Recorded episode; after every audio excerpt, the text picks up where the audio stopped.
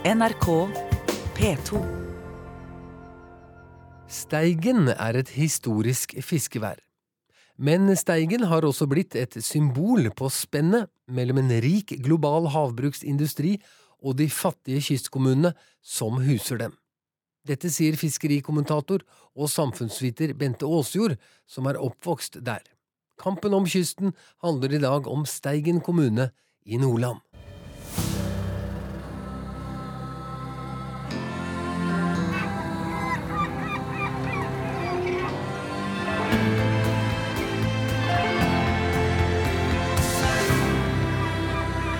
De har havbruk, fiskebruk og om lag 30 sjarker som leverer til bruket. Steigen er en ekte nordnorsk fiskerikommune. De er rik på alt bortsett fra penger.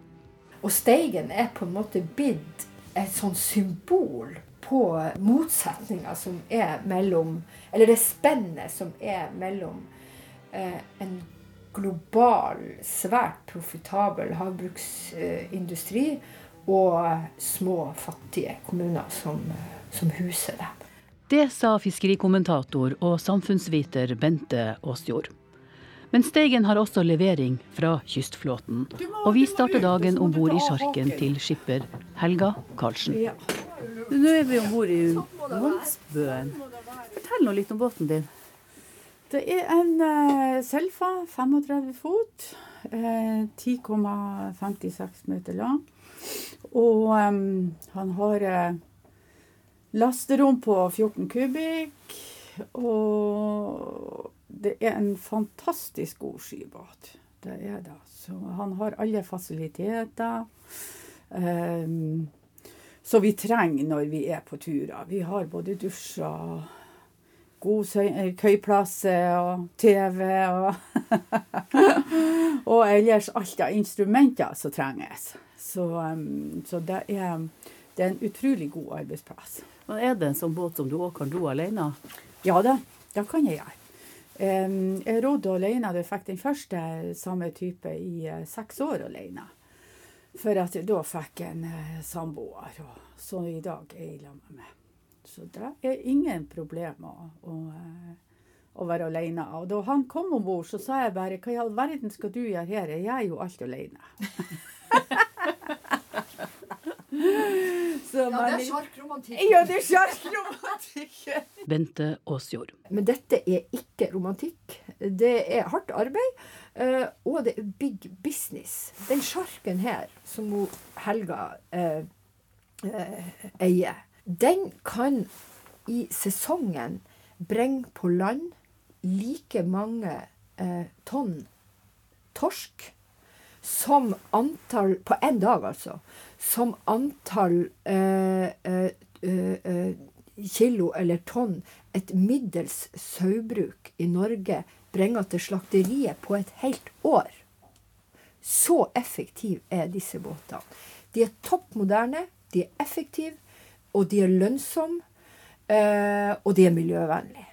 Dette er framtida, og dette er altså hvis vi, skal, hvis vi skal være en fiskerinasjon framover, og hvis vi skal uh, ivareta uh, den fiskerilovgivninga som, som, Stortinget har vedtatt uh, og fornya. altså punkt én at fiskeressursene skal tilhøre fellesskapet, og at fiskeriene skal komme kystsamfunnene til gode, så er denne flåten den viktigste av alle.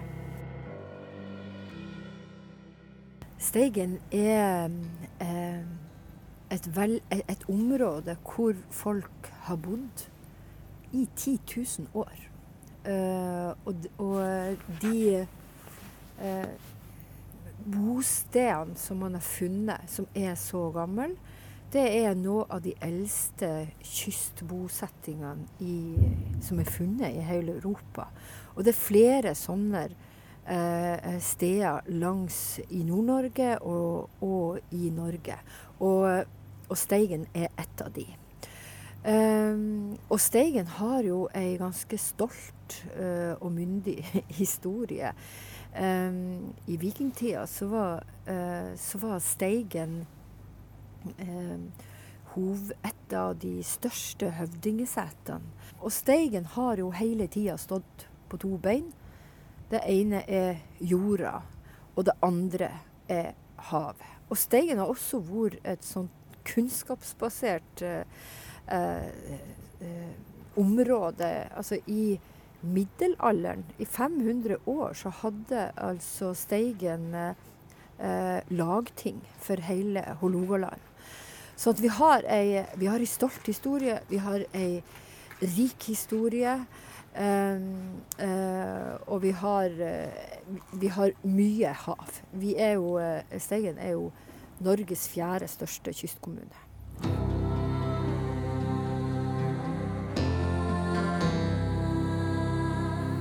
Beskriv nå dette samfunnet sånn som du ser det rundt deg i dag. Uh, Steigen er jo, har, bærer jo preg av de samme mulighetene og utfordringene som man nå sier, i det å være en kystkommune i nord. Før så var jo uh, landbruk og fiskeri de mest dominerende næringene. Eh, vi er fortsatt en stor landbrukskommune, men eh, det som er dominerende nå i forhold til næring, er jo havbruk. Eh, vi er en stor havbrukskommune, den ellevte største i, i Norge. sånn at ja, både politikk og, og næringsliv preges av det. Vi skal besøke fiskebruket. Jeg går sammen med Arild Aasjord inn på Steigen Sjømat AS. Vi driver stort sett med hvitfisk. Drifta her i Helnesund på fiskebruket går ifra, starta opp egentlig om høsten i 1. Eh, august. Og så holder vi på til medio mai. Og det, Vi er vel et av de brukene som har lengst åpent. Altså året, nesten året rundt mai, juni, juli det er det lite fiske, og så er det litt ferietid og litt oppussing og sånne ting. Vi kjøper siste årene har vi kjøpt sånne pluss-minus 700 tonn. Og det er jo et lite kvantum, egentlig. Så vi må jo, eh, for å få best mulig ut av det, så foredler vi mest mulig. Altså vi lager ferskfilet, vi lager saltfisk, og vi pakker jo selvfølgelig ferskt. Eh, en av de eh, tingene som har hatt størst økning hos oss, er kveitefisk. Det som er viktigst for oss på årsbasis, det er seifiske. Du, Hvor mange er det som leverer hos deg? Jeg har en sånn aktiv flåte på pluss-minus 30. Hvor store båter snakker vi om da? Da snakker vi om bare sjarsker. det er tre-fire båter som har to mann, ellers er det enmannsbåter det beste. Og da snakker vi om den høykvalitetsfisken som forbrukerne egentlig ønsker seg?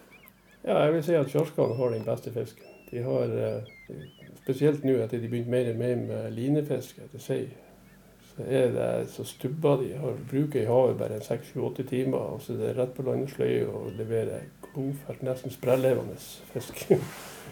og det garddrifta som skjer her, er jo også blir veldig godt røkta. De, de drar jo daglig, og fisken får fin Så vi har god kvalitet på det vi holder på med. Fersk, fin fisk.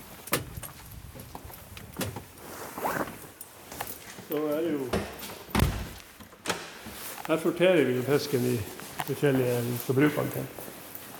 Eh, vi lagrer jo på kjølerom. Vi har et stort kjølerom her. Og her borte på loftet her har vi eh, investert i en ismaskin. En maskin som lager is. En ismaskin? Ja, Vi ja. produserer seks tonn i døgnet når vi har bruk for det. Det er ikke så stort, men den passer til vårt behov. Der borte ser du lagret salt. Vi er det en 40 tonn salt stående der. Vi tar inn 60-70 tonn i slengen. Dette er hjemplassen til samfunnsviter og fiskerikommentator Bente Aasjord. Jeg vokste opp uh, holdt på å si, på og under denne kaia. Sett på.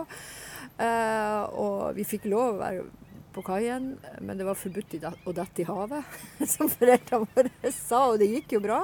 Og så reiste jeg jo ut, som alle andre uh, ungdommer gjorde, og så valgte jeg å flytte tilbake hit. Og her bor jeg. Uh, og her kommer jeg til å fortsette uh, å bo. Jeg reiser jo rundt omkring hele tida, men det her er liksom Det her er sentrum i mitt liv og i min verden. Vi sitter jo på kaia. Vi har fiskebruket rett bak oss. Um, båtene rett utenfor. Hva ville dette samfunnet vært uten fisken? Dette samfunnet er jo etablert pga. fiskeri. Pga. At, det ble, at det ble etablert eh, eh, fiskbruk her. Eh, og masse handel og vandel rundt det.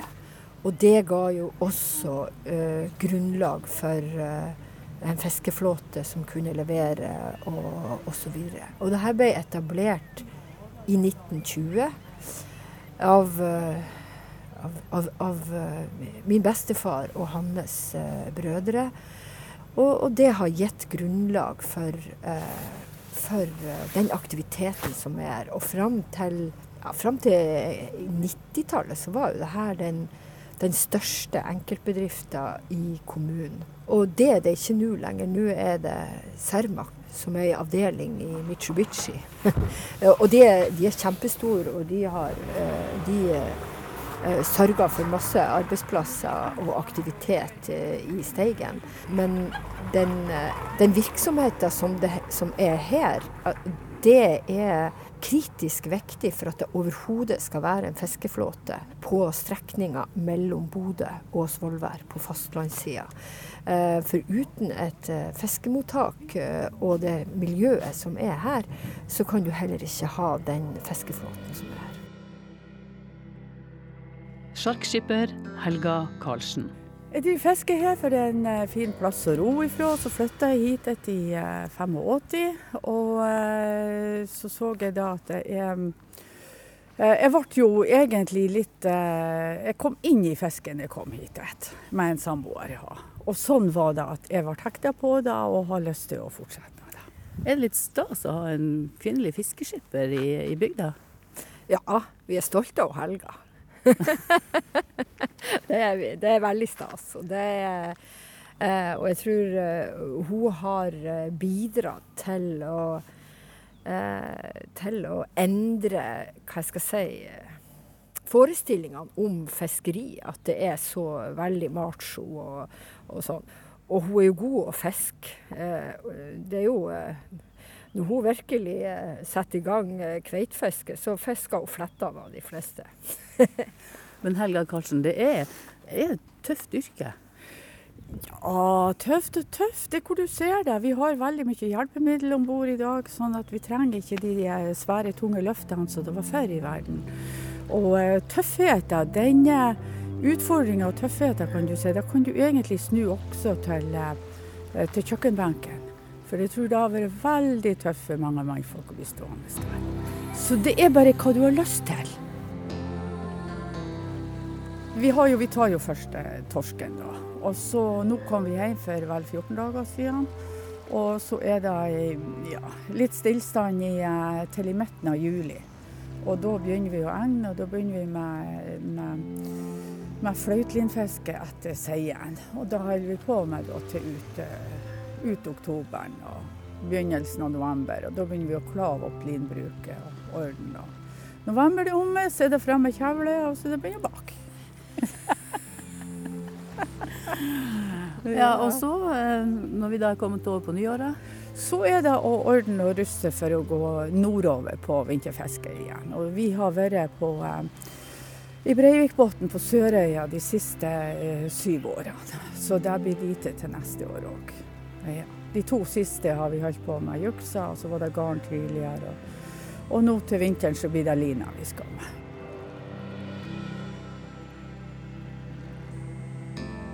Det er kjempe, kjempeartig. Så uh, ungdommer som egentlig er litt sånn uh, usikre, hva skal jeg gjøre og sånt, og er veldig usikre på skolen og alt. De skulle ha de kunne fått ei ordning der de kunne vært med om ikke noe annet så kanskje et halvår eller sånn her, og sett på hvordan det her funker. For du får utrolig Det er mye arbeid, det er mye frisk luft, og så er det mye utfordringer, og så ikke en dag som lik. Det er i hvert fall sikkert. Men det er, det er kjempe, kjempe, kjempeartig, altså. Steigen er en stor oppdrettskommune. Det internasjonale havbruksselskapet Cermaq eier oppdrettsanleggene i Steigen. I 2015 hadde Cermaq Norge ei omsetning på 3,3 milliarder, hvorav omtrent halvparten stammer fra anleggene i Nordland, der Steigen er en viktig aktør. Bente Aasjord.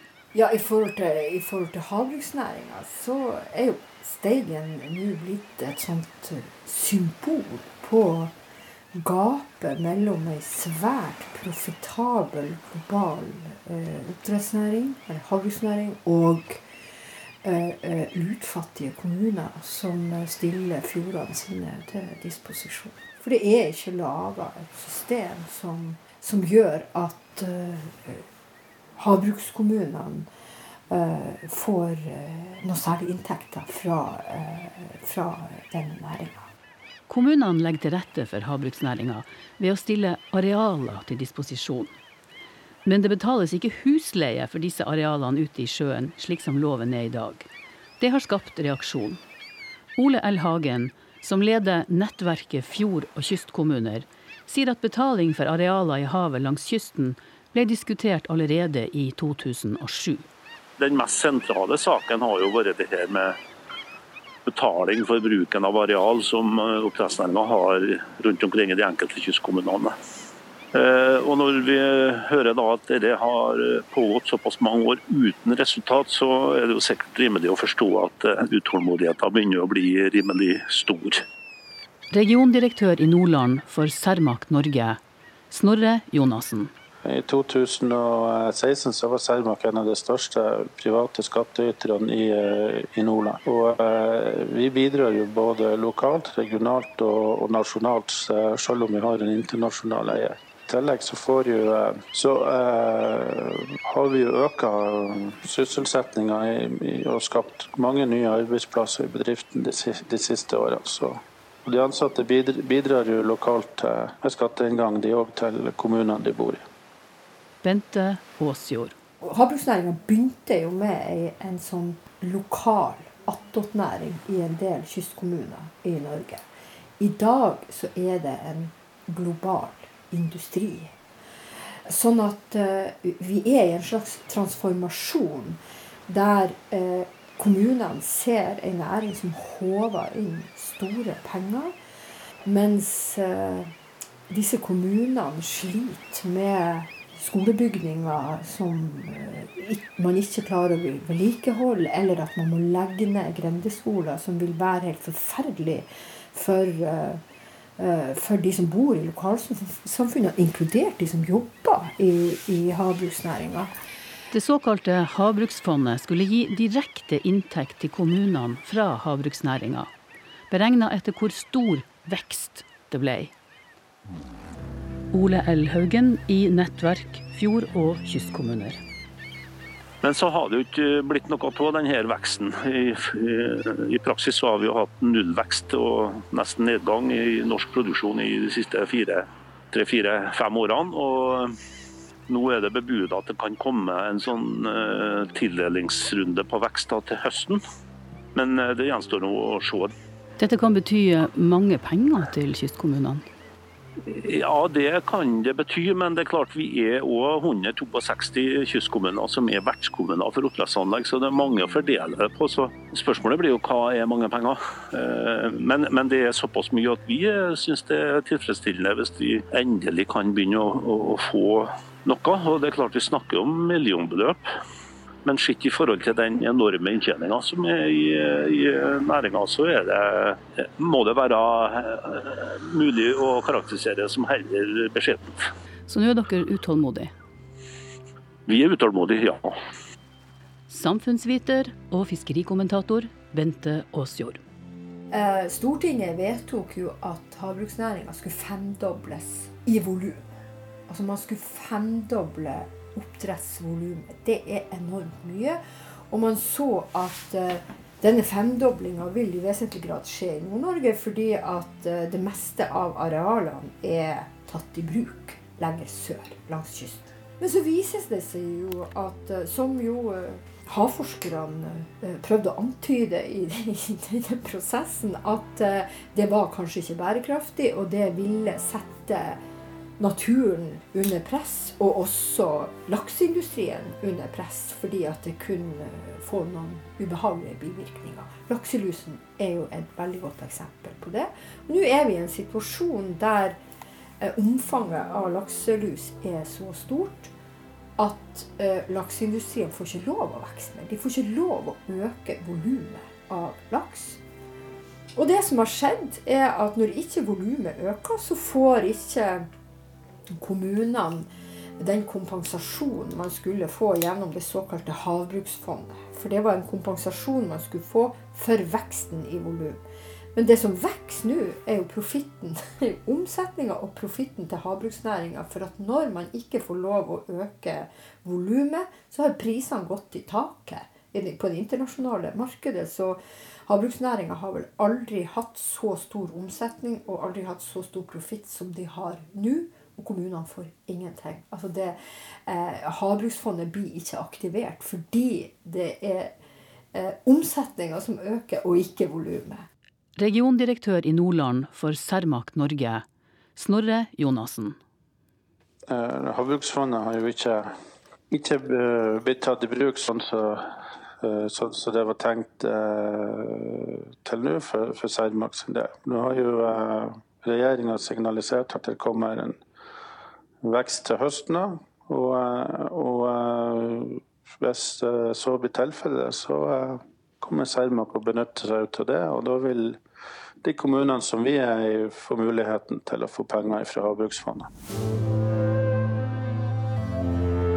Diskusjonen fortsetter om bord i sjarken Mons Bøen.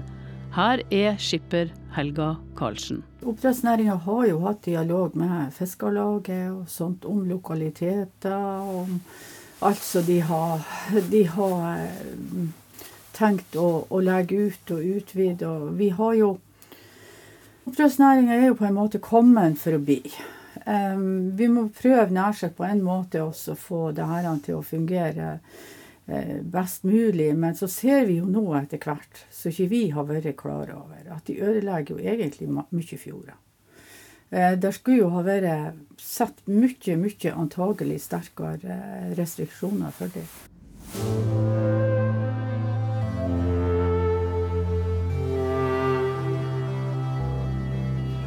Men fortsatt rangerer kystfiskeflåten som den aller viktigste for kystsamfunnene i Norge mener samfunnsviter Bente Aasjord. Altså Kystflåten har jo et enormt, eh, så økonomer kaller det for komparativt fortrinn.